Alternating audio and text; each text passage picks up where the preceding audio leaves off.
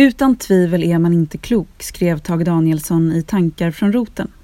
En tankebok och samling av aforismer och verser publicerade i tidningen Arbetaren mellan 1975 och 1980. Jag tänker ideligen på Danielsson när jag läser Athena Farrokhzads nya diktsamling Åsnans år. Den handlar om åsnan. Men vem är egentligen åsnan? Åsnan är djuret som får en pinne med snöre och morot fastsurrad om ryggen och nacken. Uthållig som hon är fortsätter åsnan följa den dinglande rotfrukten medan människan låter piskan vina över djurets bakdel. Åsnan är Maria och Josefs färdmedel när de rider in i Egypten med det nyfödda Jesusbarnet. Hon är i hög grad en litterär gestalt. Också Mulla Nasruddin, sagofiguren som sedan 1200-talet uppträder i otaliga gestalter, bland annat i sydvästra Asien, Nordafrika och på Balkanhalvön, tar sig fram på en åsna. Medan den verklighetsfrånvände Don Quijote rider hästen Rosinante färdas den jordnära Sancho Panza på en åsna. Bland vännerna i Nalle lever den melankoliska Ior i sitt enkla tält och, icke att förglömma, i Sunes jul fick Sune spela åsnebakdel i julspelet till den söta flickans hånskratt. Åsnan är proletären med det sträva taglet och skulderkorset, den omisskännliga svarta randen som går tvärs över ryggen. I USA är åsnan sedan 1828 det demokratiska partiets symbol. Dåvarande presidenten, tillika Demokraternas grundare, Andrew Jackson, kallades nedlåtande för Jackass av sina motståndare och började som svar på tal själv att använda åsnan som emblem. Åsnan är djuret som bär och bär. Också i åsnans år, som börjar med att diktjaget köper en porslinsåsna på loppis med sin dotter. Hemma fyller de tillsammans korgarna som åsnan har på var sida om bålen med kryddor. Det blir inledningen på en angelägen dikt om ett paradoxalt djur och en främmande samtid. Citat. Förr, filosoferar åsnan, respekterade man mig. Okej, respekterade är kanske inte rätt ord, men man vidkändes åtminstone min existens. Man bemödade sig om en gnutta galanteri. Ursäkta att jag går med ryggen till, kunde man säga när man fullastad ledde mig genom öknen. Inte alls frun, kunde jag genmäla på bristningsgränsen. Blommor har ingen baksida.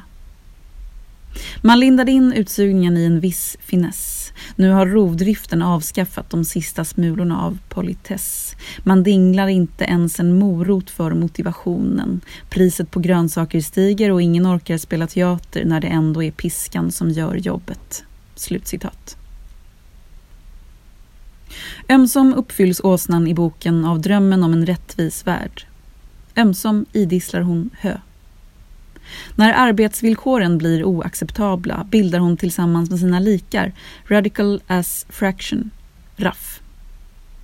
Ior är en av de anslutna. Han står vid kolgruvan och agiterar. Citat. Under fordismens glansdagar levde en strävsam åsna som knep käft i hopp om befordran. Hon gjorde ett så oklanderligt jobb att hennes husbonde ville veta om hon kunde leverera likvärdigt till mindre kostnad. Husbonden halverade matransonen och åsnan fortsatte prestera. Hon klagade inte, eller kanske hörde ingen hennes klagan eftersom hennes röst var så svag. Varje dag skar husbonden ner på födan tills han en dag tog bort det sista återstående halmstrået. Hur kunde det hända, utbrast husbonden när han strax därpå fann åsnan död. Slutcitat.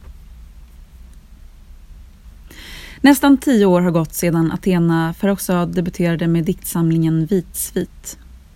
Den var stram till formen.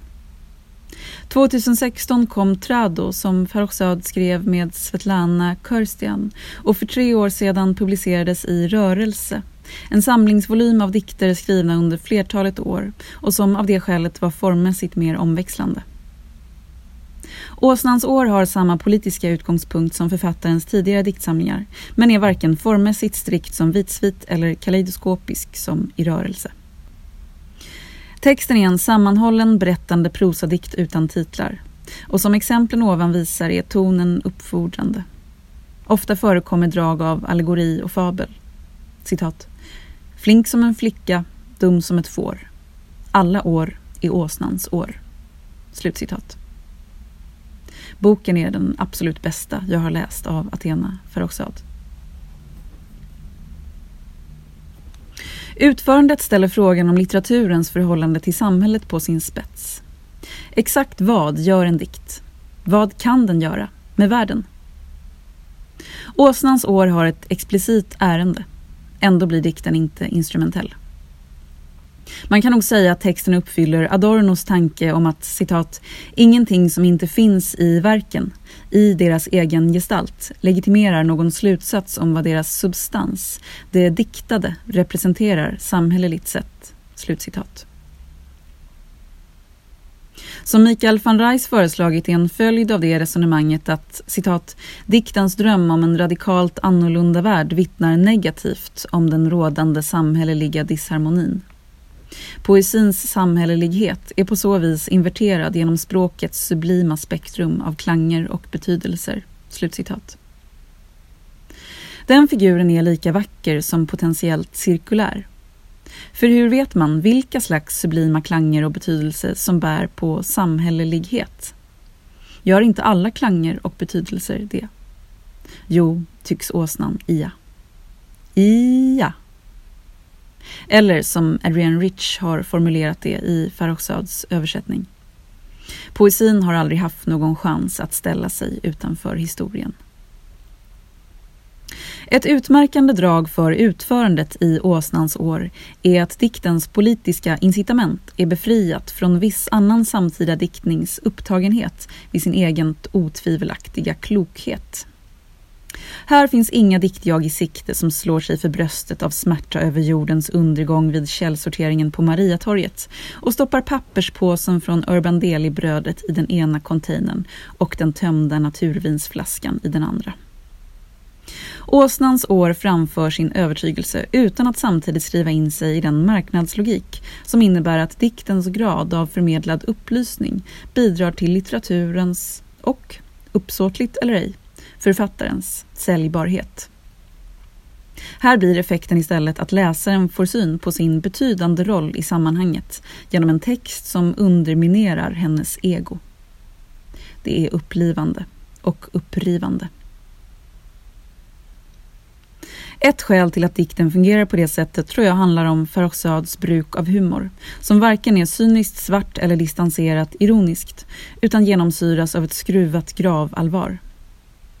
Samtidens politiska odörer återges med blinkningar till sedelärande berättelser som hos Mulla Nasruddin. Språkligt är det underfundigt som hos Danielsson, ofta med roliga slutrim. Parallellt pågår och skildras i vardagliga scener diktjagets minne och historia. Delvis genom sorgen över två dödade bröder och en förlorad mormor. Därtill gestaltas relationerna till de två döttrarna och en högt älskad partner. En passage drabbar mig särskilt. Dottern har planterat tulpanlökar i lägenhetshusets gårdsrabatt. De tar tid på sig att komma upp och just som de slagit i blom mejas de ner av en gräsklippare. Flickan blir mindre förtvivlad än mamman. Lökarna finns ju kvar under jorden. Också det är åsnan. Naiviteten. Hoppet. Citat. Du är en intelligent åsna, säger stoet till sitt föl. Sluta säga att du vill vara häst. Men mamma, mamma. Mamma, nej älskling, inga män. Men mamma, stämmer det som de säger? Är det sant att vi är det trögaste djuret, att vi är det lataste som gått på fyra ben, att vi är fattiglappar överrepresenterade i dumbomstatistiken? Nej älskling, lyssna inte på det örat, det stämmer inte. Men grisen då, mamma? Stämmer det med grisen? Vad pratar du om älskling? Vilken gris? Stämmer det att grisen är det lortigaste djuret? Ja, det stämmer tyvärr. Håll dig borta från grisen. Slutcitat. Åsnan är orken och tilliten. Den löjeväckande dumma envisheten. Jag läser Åsnans år under valrörelsen 2022. Det ska löna sig att arbeta. Piska och morot. Att hårt arbete lönar sig för fler än ytterst få är en lögn, det vet alla. Också diktjaget som tampas med insikten att själv vara en del av systemet. Citat. Jag föraktade alla som trodde att hårt slit skulle löna sig. Jag föraktade mig själv som trodde att det var slita hårt jag gjorde. Jag sa till mig själv att arbete inte var livets mått. Jag sa till min dotter att lättja var den största dygden men jag trodde det lika lite som jag trodde att hon skulle få en hamster i present. Slutcitat. Så vad skulle hända med åsnan om kacklet om arbetslinjen tystnade? Frihet. Eller är åsnan också en självuppfyllande profetia? Åsnans år är en vild utopi, en skarpsynt satir och en sträng självrannsakan. Man läser och efteråt tänker man den som saknar tvivel kan rimligtvis inte vara klok. Icke desto mindre råder det något tvivel om att man är mycket oklok. Ja.